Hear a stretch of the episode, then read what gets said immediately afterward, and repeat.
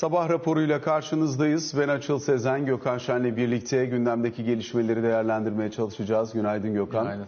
Aslında piyasalar açısından olup biten, dünyada olup biten, jeopolitik anlamda olup biten çok fazla şey var. Biz dün akşamki yeni depremle birlikte bir kez daha kendi gündemimizi depreme doğru yönlendirmiş durumdayız. Ancak dünyadan da çok kopmadan gitmek istiyoruz. Önce hani bir tarafıyla hakikaten deprem, Türkiye'nin yeniden imarı, özellikle o bölgede atılacak olan adımlar, dün Cumhurbaşkanı Erdoğan'ın da açıklamaları oldu bir parça. Belki onların üzerinden de geçebiliriz. E, Bölgeye sağlanabilecek olan imkanlar derken deprem gerçeği devam ediyor. O bölgeyi zorlamaya da devam ediyor. Hayatı zorlaştırmaya da devam ediyor. Dolayısıyla belki bu çerçevede bir tur daha oraya bakmak lazım. Bunun dışında dünyadaki jeopolitik gelişmeler derken Rusya-Ukrayna savaşının yıl dönümü gelirken burada e, Biden'ın yapmış olduğu bir e, Ukrayna ziyareti, Zelenski ile yapmış oldukları görüşme, müzakere buradan çıktılar. Diğer taraftan yine özellikle Çin kaynaklı haber akışının devam ettiğini görüyoruz. Rusya ve Güney Afrika ile birlikte bir askeri tatbikat düzenleme kararları, aynı zamanda Çin'in açılması kaynaklı e, fiyatlama hareketleri ki dün petrol tarafında özellikle önemli ölçüde etkili olduğunu da söyleyebiliriz bütün bunların. Diğer yandan Rusya ve Çin arasında Özellikle Rus petrolünün iskontolu alımı üzerine e, şu an rekor seviyeye gelinmiş olması bunları da yine belli ölçülerde aktarmaya çalışırız. Bugün Amerikan hisselerinde vadelilerde bir miktar düşüş var. Temel gerekçe özellikle para politikasında ekonomilerdeki canlılığın devam etmesinden mütevellit zirve seviyenin daha yukarılarda bir yerde oluşabileceğine dair yeniden beliren kaygı. Dolayısıyla bunları da belli ölçüde yorumlamaya çalışırız. İsrail Merkez Bankası'nın faiz artırımı var. Diğer merkez bankalarının reaksiyonları, gelişen ülke kurlarının performansları gibi unsurlarda yine gündemimiz içerisinde belli ölçüde yer alacak. İçeride tüketici güven endeksi verisi geldi. Deprem öncesi veri oldukça kuvvetli. Biraz bunun yansımasını konuşuruz. Bir de dediğimiz gibi yeniden yapılandırma, maliyetler, imarın katkısı, etkisi, ekonomik çerçevesi bütün bunları da yine programımızın içerisinde yorumlayacağız. Önce istersen bir içeriden başlayalım. Çünkü hakikaten hem dünkü deprem ve onun arkasından oluşan ortam bunlar neden önemli? Yıkıcı gücü zaten çok yüksek iki depremin arkasından geldiği için e, şu an itibariyle hani orada hayat biraz normalleşir mi, biraz yeni koşullara göre e, adaptasyon sağlanabilir mi derken çok moral bozucu oldu elbette dünkü 6.4'lük yeni sarsıntı. Dolayısıyla o bölgeyi yeniden ayağa kaldırıp hayatı normalleştirmeye çalışırken biraz daha zorlayıcı bir şeyle karşı karşıya kaldık denilebilir herhalde. Evet başımız sağ olsun yine herhalde kayıplar olmuş tabi ana depremlerle karşılaştırılamayacak boyutta ama e, zaten şehirlerin önemli bölümü yıkılıp insanlar da evlerinde olmadığı için e, bir kişinin bile aslında can kaybı olmaması gerekir. Tekrar başımız sağ olsun. E, bilim insanları da zaten uyarıyorlar anladığım kadarıyla yani Naci Hoca ve Celal Hoca e, tam olarak burada, tam olarak bu büyüklükte bir deprem olabileceğini kısa vadede e, artçı sarsıntı şeklinde, yani ben yanlış terimler kullanıyor olabilirim ama yani kısa vadede böyle bir şey olacağını söylemişlerdi. Hatta şimdi e, farklı yerleri de işte Kıbrıs'a ve Adana'ya galiba e, dikkat çekiyorlar. Dolayısıyla e, herhalde sürpriz de değil. E, daha da dikkatli olmak gerekiyor. Yani insanların evlerine dikkat etmeleri gerekiyor. Özellikle e, depremde hasar görmüş ya da şüphe duyulan e, evler varsa mutlaka uzak durmak gerekir. Tabii insan evinden uzak durur da ne yapar? İşte eşya taşıyor insanlar. O da ayrı bir konu yani. E, hakikaten çok zor. Yani dolayısıyla e, böyle de bir durum var. İnsanlara evine girme de tabii ki demek kolay. E, ama yani neyle yaşayacak, neyle geçinecek, ne yapacak? E, mutlaka bir şeylere ihtiyacı var. Yoksa insanlar da e, herhalde psikopat değiller. Yani evlerine girip e, neyse yani böyle sıkıntılı bir durum. E, denecek şey bu. E, ekonomik olarak tabii yani bizim bildiğimiz taraftan e, hani dünkü şey, e, dünkü deprem e, yeni bir e, bilgi sağlamıyor. Ama yani artık herhalde bu bir gerçek. Tabii orada olsan hakikaten canın sıkılır. Dün de biz haberleri aldığımızda e, Türkiye'nin farklı yerlerinde, dünyanın farklı yerlerindeki e, Türk vatandaşları tabii endişelendiler. Çünkü beşik gibi sallanıyor eminim çok moral bozucu da olmuştur. Yani bu kadar büyük iki tane afetin e, ardından hala da bu kadar e, sert sallanıyor olması e, epeyce psikolojik olarak e, yıkımına getirmiştir. Ama durum bu, bunu anladık. Ve bundan sonra da buna göre yaşamaya çalışacağız şey bu yani anladığımız konu bu. Ekonomik olarak tabii yani yeniden inşa faaliyeti dedin. Bu tabii bundan sonraki ekonomik gerçeklerimizden bir tanesi. Başka ekonomik gerçeklerimiz de var. Yani onu görmek lazım. Çünkü hatırlayalım yani depremin olduğu sabaha karşı dörde kadar yani gece üçe kadar bizim beklentimiz yani herkesin beklentisi e, seçime dönük e, bazı sektörlerde canlandırmalar olacağı, bütçenin çok olmasa bile bir miktar açılacağı, e, enflasyonda işte yaz aylarına doğru 30'lu seviyelerin okunabileceği bir gidişat vardı ekonomide ve böyle de e, sürmesi bekleniyordu. E, kurun stabil kalacağı, Merkez Bankası faizinin %9'da e, tutulacağı, bütçenin biraz açılıp e, canlanmayla yani elde olan canlanmayla enflasyonu düşürüyoruz söylemiyle hükümetin seçimlere gitmesi gibi bir plan ortadaydı. Tabii depremden sonra bilmiyoruz yıkımın boyutunu ama yani Türkiye'nin e, maddi varlığının bir bölümü e, tabii helak oldu. E, insanlarımızı kaybettik, yaralılar var. E, orada tabii yani Türkiye'nin tarımsal, e, yani ekonomik açıdan, e, ekonomik terimlerle konuşmaya çalışıyorum. E, Türkiye'nin tabii orada e, yani bitkisel üretiminin de önemli bir bölümü yapılıyor. Yani Türkiye tarımının %15'i o 10 il üzerinden yapılıyor. Üstelik e, bitkisel üretimiyle kuvvetli olmasına rağmen dün bir parça İrfan'la da e, sohbet ettim. E, hayvan varlığı da e, depremden zarar gördüğü için bazı hayvanlar depremde, diğerleri de deprem sonrasında beslenemedikleri için telef olduklarından e, bir hayvan varlığında da kayıp söz konusu. Dün de burada konuşurken hatırlarsan yani ben bir numaralı e, etkinin emek piyasasından e, iki yani önceliklendirmeden söylüyorum iki numaranın da tarımdan gelmesini beklediğimi söylemiştim. Yani büyüme etkisi geçici olacaktır. E, ufak bir şok, şok verip geçecektir. E, fakat bu emek piyasasındaki yaratacağı karmaşa ve e, enflasyon etkisi bakımından bence e, depremin etkilerini takip etmek gerekir. E, asıl konu buralarda. Yoksa işte hem dünyadan gelen yardımlar hem Türkiye'nin kendi topladığı yardımlar hem de bütçeden harcamalarla bir yeniden inşa faaliyeti hem de yarın öbür gün insanların canını kaybetmeyecekleri şekilde bir inşa faaliyetiyle eskisinden çok daha iyisi yapılabilir. Ama kısa vadedeki bu e, tarım e, konusu ve işte oradan gelecek enflasyon artı emek piyasası bence en sıkıntılı konular. E, çünkü yani şimdi bu enflasyonda bizim zaten enflasyona karşı kazandığımız bir savaş yok. Burada çok konuştuk. Yani deprem öncesine dönelim. E, yani üç koldan takip ediyoruz. Çok kabaca yani. Bir tanesi para politikası. Öbürü maliye politikası. Üçüncüsü de düzenlemeler ve işte bilimum bu alana atılabilecek işte makro ihtiyati tedbirler vesaire filan. Yani parasal olmayan, mali olmayan ne varsa bunun için atabilirsin. Şimdi bu üç kovadan ya da üç kompartmandan ben baktığımda para politikasının yani herhangi bir şekilde yardımı olmadığını e, düşünüyorum enflasyona. Maliye politikası çok genişlemeci değil. Hatta önemli oranda enflasyonun sonuçlarıyla mücadele ediyor. Fakat daraltıcı diyemeyiz. Sonuçta bir e, bütçe açığı var. Bu sene daha da açılması bekleniyordu. E bunun da enflasyonu aşağı getirmesi epeyce güç.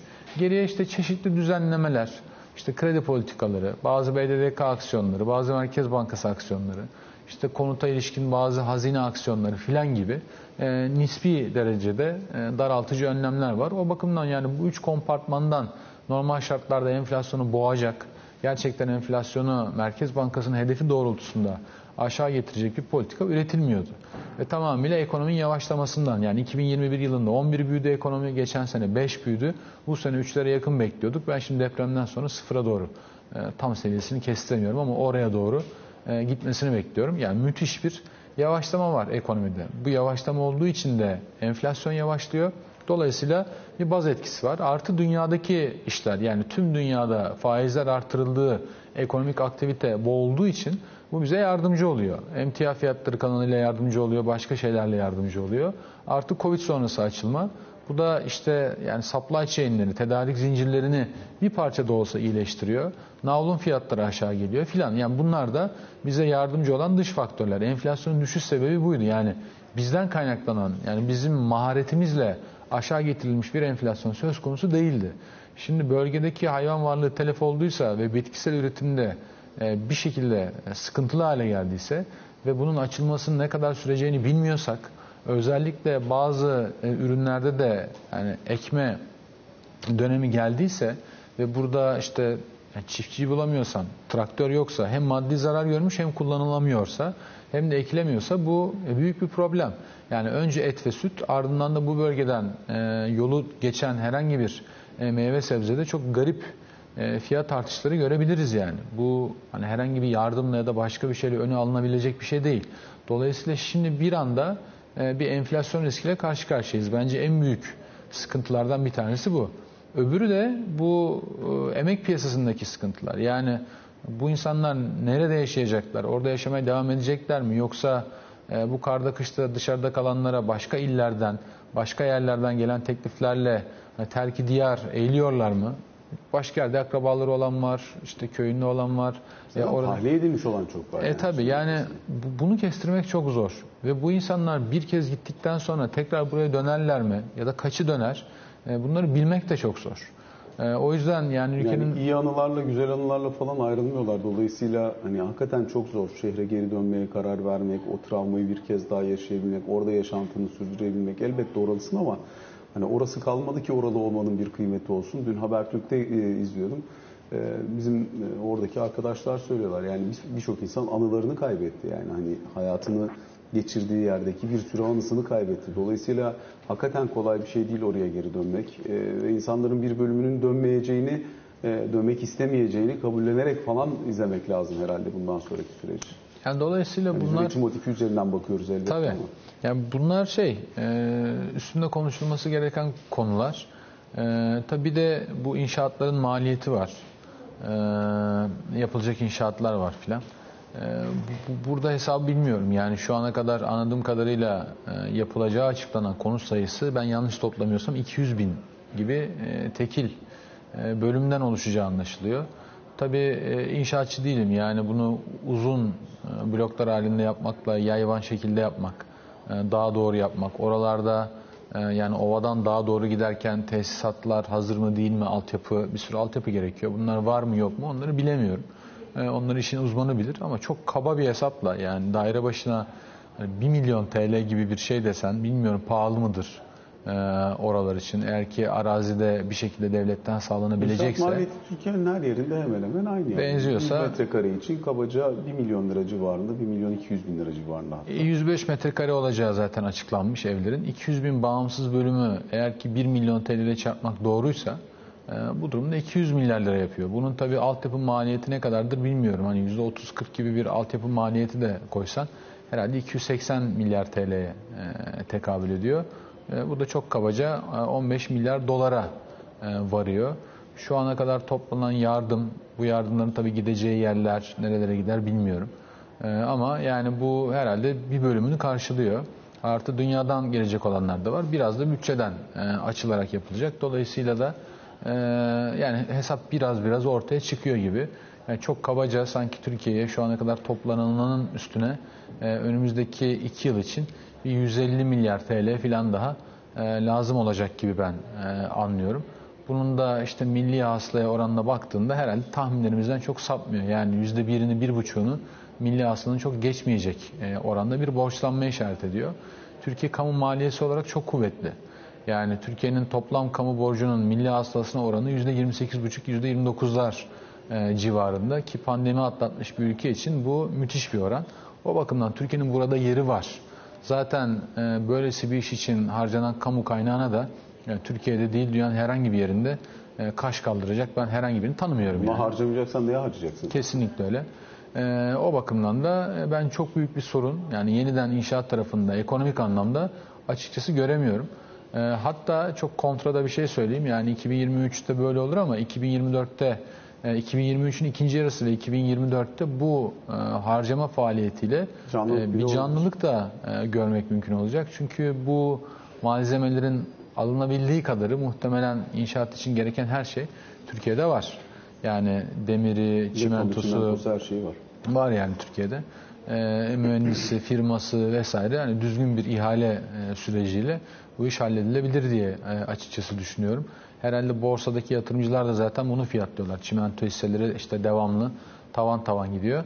Tabii orada yani küçük bir püf yani konu farklı bir yere geldi ama e, yani devletin o şirketlere de yani fiyatlandığı gibi piyasa fiyatıyla bir para ödeyeceğini de ben düşünmüyorum. Yani bunun fiyatı bu. Biz sizden şimdi bütün yıllık siparişinizin iki katı kadar, üç katı kadar bir sipariş verelim. Size de piyasa fiyatlarıyla bunu verelim demeyecektir devlet. O bakımdan e, aynı marjlarla bu hisse senetlerinin ya da işte bu şirketlerin e, devam edebileceğini düşünmek bence hatalı. Küçük bir parantez e, açıp söylemiş oldum. Yani benim gördüğüm şey bu. Mesela İhracatları vesaire vardı. Bunlar da büyük ihtimalle kapasitenin ağırlığının Türkiye'ye döndürülmesi için nispeten marjı daha geniş olan ihracattan da biraz daha bu tarafa doğru yönelim olacaktır. E tabi yani bazı mallara ihracat yasağı ya da izne tabi olma şartı getirilebilir ve dolayısıyla e, dış kapılar kapatılır. E, çok muhalif bir sesle yükselemez buna. Yani ülkede bir e, Burayı imar edeceğim. afet hali olduğu için bunlar da Türk şirketi olduğu için ihracat bağlantıları riske girebilir. E, yani onu düşünmekte fayda var. Neyse apayrı bir konu yani. Hani borsa konuşursak bir noktada daha detaylı konuşuruz. E, ama ekonomik görünüm bu. E, depremden hemen önce e, toplanan kanıtlara göre de zaten e, özellikle tüketici güveninde ciddi bir artış vardı. Şimdi tabii depremden ötürü e, bir yani ekonomik korku, ikincisi moral bozukluğu ve başka sebeplerden ötürü aynı zamanda insanların da yani kendilerinin ya da akrabalarının ya da tanıdıklarının göçük altında kalmalarından ötürü ciddi bir şu an şey var. Yani kredi kartı harcamalarında ve kredilerde ani bir çökme var. E, bunun da gelişimini takip etmemiz lazım. Ya bu arada şunu da söyleyelim hazır yeri gelmişken Bloomberg HT'nin e, tüketici güven endeksini biz düzenli olarak e, 15 günde bir ön endeks artı endeksin kendisi olarak açıklıyoruz. E, ön endeks için veri toplamakta çok güçlük şekilde sağlıklı bir veri çıkamayacağı anlaşıldığı için çünkü insanlar ankete cevap vermek istemiyorlar o ortamda. Yani hani depremin yaratmış olduğu o baskıyla birlikte o yüzden TÜİK'in verisinin önemli bir kısmı deprem öncesinde toplandığı için Oradaki veri e, ne kadar gerçeği yansıtıyor bir ona bakmak lazım. Orada tabii o yükselişin içerisinde asgari ücret artışı vesaire gibi unsurlar çok belirleyici olmuştu. Asgari ücret artışının kuvvetli olduğu dönemlerde tüketici güveninde sıçrama görüyoruz. Ne kadar etkileyecek, ne kadarını alacak bir ona bakmak lazım deprem. Evet. Ya Yani biz o dolayısıyla yüzden ön endeksi açıklayamadık. İnşallah endeksi kendisini açıklayabiliriz. Yani dolayısıyla e, bu bunları da bir görmek gerekir. E, ama tabii deprem öncesi ve sonrası farklılaşır e, ekonomik görünüm. Ama dediğim gibi yani bence en büyük etkiler e, enflasyon ve emek piyasası kanalıyla gelir. E, kalan taraflarda Türkiye çok büyük bir ülke, çok önemli e, sorunlar yaşayacağını düşünmüyorum. Buradaki en önemli hikaye e, insanların canı, e, psikolojileri ve bundan sonraki e, hayatları yani en önemli konu bu yani. Peki para politikası çerçevesinde de istersen çok hızlıca değerlendirelim. Bir parça konuştuk aslında ama hem e, bizim faiz anketi dün itibariyle yayınlandı.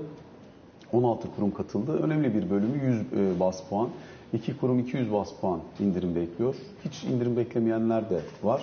Ama medyanı 100 bas puan faiz indirimi şeklinde. Yabancı kurumların da beklentileri e, faiz indirimi e, olacağı yönünde.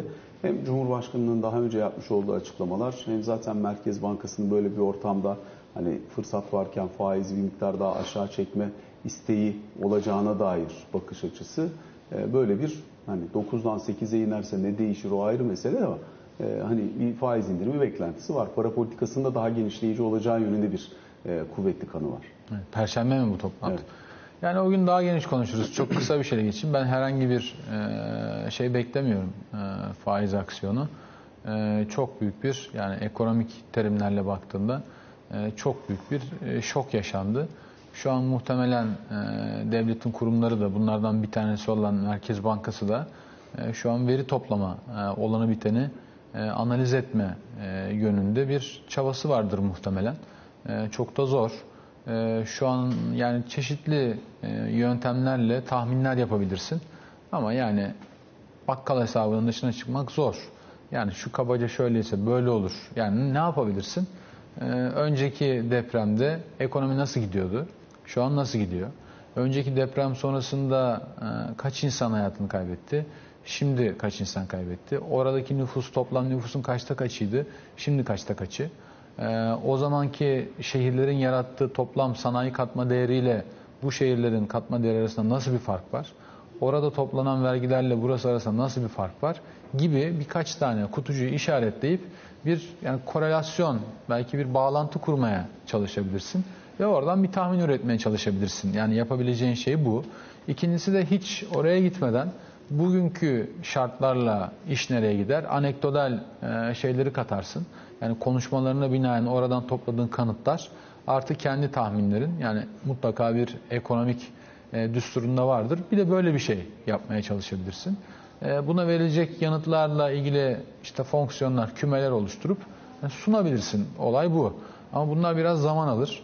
İtidalli olmayı gerektirir. Eğer ki şu an Türkiye'de enflasyon tek hane ya da tek hane civarında olsaydı bence hiç düşünmeden önce faizi indir. E, yani ekonomik canlılığı garanti altına al. Hatta belki şok bir faiz indirim yap. E, ondan sonra arkasına bak bir çözüm olabilirdi. Ama Türkiye'de zaten faiz şu an anlamı olan e, bir şey değil yani. E, Fiyatlamasının öyle ya da böyle olmasının bir şey değiştirdiği bir parametre olmaktan da çıktı. Çıktı. O Çünkü yüzden mevduat faizi başka bir yerde, kredi faizi başka bir yerde, bono faizi bambaşka bir yerde, politika faizi başka bir yerde, reskont kullanıyorsan başka bir yerde, ihracat yapıp başka bir kredi imkanı buluyorsan başka bir yerde vesaire gibi. Büyüksen başka bir yerde, küçüksen başka bir yerde. O yüzden tek bir faiz olmadığı için hani parametre olmaktan uzaklaşmış olabilir faiz. evet o bakımdan da yani böyle bir e, silahı böyle bir aracı çekip kullanmanın şu an e, ben pek bir yararını göremiyorum. Zaten e, yani biz para politikasıyla ilgilenen, ekonomiden anlayan diyelim ya da ekonomiyi takip eden insanlar olarak e, zaten Türkiye'deki e, politika faizinin tek haneye inmesinin yani sonuçları üstünde daha anlaşabilmiş değiliz ki. Yani e, Merkez Bankası bunun genişlemeci olduğu kanaatinde ben aksine çok daraltıcı olduğu kanaatindeyim. E, Merkez Bankası bunun başladığı yerin işte yeni ekonomik modelde bir yeri olduğu e, fikrinde ben onu hiçbir zaman göremedim. Yani ben Türkiye'de enflasyonun bizatihi sebebi olduğu kanaatindeyim. E, bu işte tek haneye indirme e, hevesinin. O bakımdan biz daha temellerde anlaşamamışken böyle bir felaketten sonra e, hiç ortada yani müthiş bir toz duman varken hadi ben faizi bir daha indirdim demenin yani çok bir faydasını göremiyorum. Yani toplantı günü daha e, detaylı daha e, farklı şeylere de temellendirerek konuşuruz ama hani ben piyasayla aynı kanaatte değilim yani.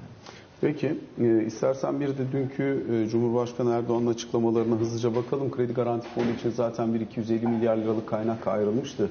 Depremle birlikte bu kaynağın 350 milyar liraya artırıldığını görüyoruz.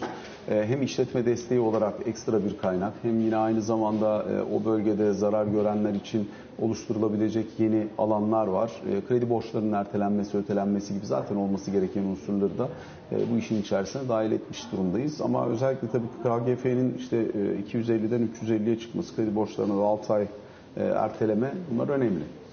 Ee, önemli yani bölge insanıyla şimdi tabii bu durumdan politika üretecek biri yani bazı şeyleri gözetmek durumunda. Ee, bölge insanının e, ekonomik ve finansal sağlığıyla şu an kalan ülkedeki insanların yani sağlıklarını bir, kere bir ayrıştırmak gerekiyor. Yani oraya e, tabii elden gelen yani bankalardan da e, özellikle bazı bankalardan çok ciddi şeyler var. E, bunlar tabii ama aslında bir yandan da yük olarak ister istemez bankaya dönecek. Bu hazine içinde böyle. E, o bakımdan oradaki e, ödemeleri askıya almak ya da affetmek ya da zamana yaymanın bir ekonomik maliyeti var. Oraya yapılabilecek e, yardımların da maliyeti var. Toplumun kalanıyla ayrıştırdığın zaman birilerinin de oradaki maliyeti üstlenmesi gerekiyor. Yani bu çok herhalde yabancı bir konsept değil. Yani bunu herkes tahmin ediyordur. Yani senin hali hazırda sallıyorum hani Norveç gibi bir varlık fonun olur. Ee, o zaman dersin ki ya bu depremin maliyeti ne kadar kardeşim? 4 milyar dolar. Ee, bizim fonumuzda da var 54 milyar dolar. Bunun 4 milyar dolarını ben işte şu şu şu asetleri satarak, şu ülkelerdeki varlıklarımdan çıkarak, elimdeki petrol rezervlerinin bir filan yani eldeki altınları, gümüşleri bozarak ben veriyorum dersin. Konu kapanır. Ama Türkiye'nin böyle bir durumu yok. Yani çünkü Türkiye'nin varlık fonu ya da işte kara gün e, şeyleri böyle işlemiyor. Yani Türkiye bunu hiç tercih etmedi. O bakımdan bir yerden alıp bir yere vermek durumunda. Yani ya yeni borçlanma yapacaksın, yeni borçlanmayla bir kısmını kapatacaksın ya da e, farklı varlıklarla. Bu da yani ekstra vergi olabilir. Başka yerde yapacağın harcamalardan kesintiye gitmek e, olabilir. Artı işte bankaları daha fazla bono almaya zorlayarak ekstra e, borçlanmayla bunu yapmak olabilir. Bunların her birinin ciddi limitleri var. O bakımdan yani bu ölçüde bence düşünmek gerekiyor. Sonuçta gökten para yağmayacak.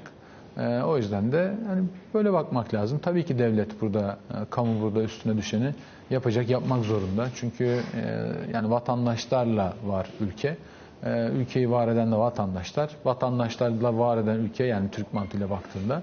O bakımdan da yapacağız ama dediğim gibi yani bunların e, karşılığı yok. O yüzden mecburen yeni kaynaklar yaratıp ya da olanları kaydırmak durumunda kalacağız. Yani mantık bu. Peki çok hızlıca istersen bir jeopolitik kısma da değinelim öyle bitirelim. Ee, özellikle son dönemlerde Amerika Birleşik Devletleri ile Çin arasındaki münasebetin iyice sertleşmeye başladığını görüyoruz. Ee, işte Amerika'nın yeni yaptırımlarla ilgili söylemleri var, teknoloji transferiyle ilgili getirdiği yeni kısıtlamalar var. Özellikle Çinli şirketlerin e, Amerika Birleşik Devletleri'ne ve Avrupa'da gösterdikleri faaliyetlerin kısıtlanmasına ilişkin çok ciddi bir baskı tam saha pres uygulandığını da söyleyebiliriz herhalde. E, bununla birlikte Çin'in de attığı çeşitli adımlar var. Özellikle e, Çin'de hem Rusya ile yakınlaşmasını artırıyor. O yakınlaşma arttıkça Çin'in Rusya'dan temin ettiği iskontolu petrol miktarı rekor seviyeye ulaşmış. Askeri ortak tatbikatlar düzenleniyor vesaire gibi aslında jeopolitik ortamda safların çok net olarak belirlendiği, pekiştiği, daha farklı bir dünyaya doğru ilerleniyor gibi görünüyor. Hani soğuk savaş olur olmaz tartışması çok vardı ama kampların netleşmesi ve belirginleşmesi için sanki bile isteye bir baskısı var Amerika Birleşik Devletleri'nin gibi duruyor. Şimdi burada yani e, Çin'in e, Ukrayna ile ilgili bir barış planı e, açıklayacağını el altından sızdırması bazı maddeleri sanki paylaşmış gibi e, yapması enteresandır. Çünkü anladığım kadarıyla Rusya'nın Ukrayna'yı işgali sonrasında, e, kısmi işgali sonrasında e, Çin Devlet Başkanı Rus Devlet Başkanı ile dört defa görüşmüş. Fakat Ukrayna Devlet Başkanı ile herhangi bir görüşmesi olmamış şu ana kadar. O bakımdan Çin'in bir ara bulucu aday olarak çok da sicilinin temiz olmadığı uluslararası diplomatlar tarafından filan dile getiriliyor. Yani herhangi bir e, barış e, ara bulucusunun mutlaka ortada olması. Mesela Türkiye'nin olayın başından bu yana oynadığı rol belki biraz da bu yüzden takdir ediliyor. Çünkü hem Türkiye'nin iki ülkeyle ilişkisi var hem Rusya'nın aksiyonun bir işgal olduğunu söylüyor. Hem işte şirketler üzerinden Ukrayna'ya bir yandan SİHA sağlıyor hem de Rusya ile ticaretini e, devam ettiriyor gibi bir durum var. Fakat Çin'in durumu bu değil. Peki Çin neden şimdi yani tam da e, zamanın bu anında bir barış görüşmesi ara buluculuğuna soyunmuş olabilir? Herhalde bunu düşünmek gerekiyor. E, burada fikirler farklılaşıyor. Benim gördüğüm fikirlerden bir tanesi Rusların artık sahada iyice kaybetmeye başladığının görülmesi ve bunun aşikar hale gelmesi. Bunun da günün sonunda Rusya'da bir e, rejim değişikliğine gidebilecek e, kapıları açma ihtimali falan e, böyle bir korku var. İkincisi bu Ukrayna-Tayvan benzeşmesinin artık Çin'e karşı hiç böyle bir şey olmadığı halde şu an yani olmadığı halde derken yani fiili bir durum olmadığı halde bu ikisi arasında paralellik çizilmesi, yaranın devamlı kaşınması aynen çünkü batıdan baktığında Ruslar Ukrayna'ya girdiler. Herhangi bir temeli yokken Zaten hep işgal planları vardı. Doğudan baktığında ise batılı güçler Amerika e, bu işi kaşıdı ve dolayısıyla e, NATO'daki işte ultra genişlemeyle Rusları mecbur bıraktılar. Yani hangi dünya görüşüne bağlı olduğuna e, göre değişerek bir fikir savunabilirsin. Yani dolayısıyla tekrar Çin'in pozisyonuna dönmek gerekirse acaba bir Tayvan e, Ukrayna benzeşmesi yaratıp bana da e, böyle bir muamelede bulunurlar mı? Gibi bir herhalde dış politika endişesi var. Dolayısıyla bunlarla beraber hareket ediyor gibi. E, fakat artık anladığım kadarıyla Batı da e, Ukrayna'nın sağdaki pozisyonu iyice güçlendirdiği için eskiden olduğu gibi ya çıkın oradan e, barışın e, tezinden daha uzaklaşmış durumda. Yani dizlerinin üzerinde bir şekilde e, Rusları masaya getirmek istiyorlar. O bakımdan e, bu sefer iki taraf ayrışıyor. Yani benim anladığım konu bu. Ama işte Çin balonunun Amerika üstüne vurulması, Biden'ın bizatihi kimseye de söylemeden Beyaz Saray'da çok az kişinin haberi varmış. Bir anda e, Ukrayna'da e, beliri vermesi, Almanların işte tankları yolluyor olması, yani artık fiili olarak da silahların e, Ukrayna'ya akıyor olması yeni bir evreye de geçtiğimizi gösteriyor. Açıkçası uzmanı değilim. Hani uzmanı da var mıdır? Bundan sonra ne olacak dediğinde e, ihtimalleri saymadan ne olacağını bilen biri var mıdır bilmiyorum. Ama yeni bir faza girdiğimiz gerçek yani o okunuyor. E, bunu aynı zamanda bence Çin üstündeki işte yeni tedbirlerle filan da ayrıca Amerika'da yaklaşmakta olan e, seçimlerle de e, birlikte okumakta fayda var. İngiltere'nin de pozisyonu çok zayıfladı. Yani batıya bir zafer lazım. Onlar şu an vitesi arttırdılar gibi ben görüyorum. O zaferin sonunda bunun dünyanın kalanında yaratacağı etkiden de Herhalde Çinliler korkuyorlar. O yüzden de bir barış planıyla gittiler. Ama şu an kimse onları duymuyor. Yani benim okumam bu. Peki kısa bir araya gidelim. Sonrasında Can Türkoğlu da bizlerle olsun. Kaldığımız yerden devam edelim.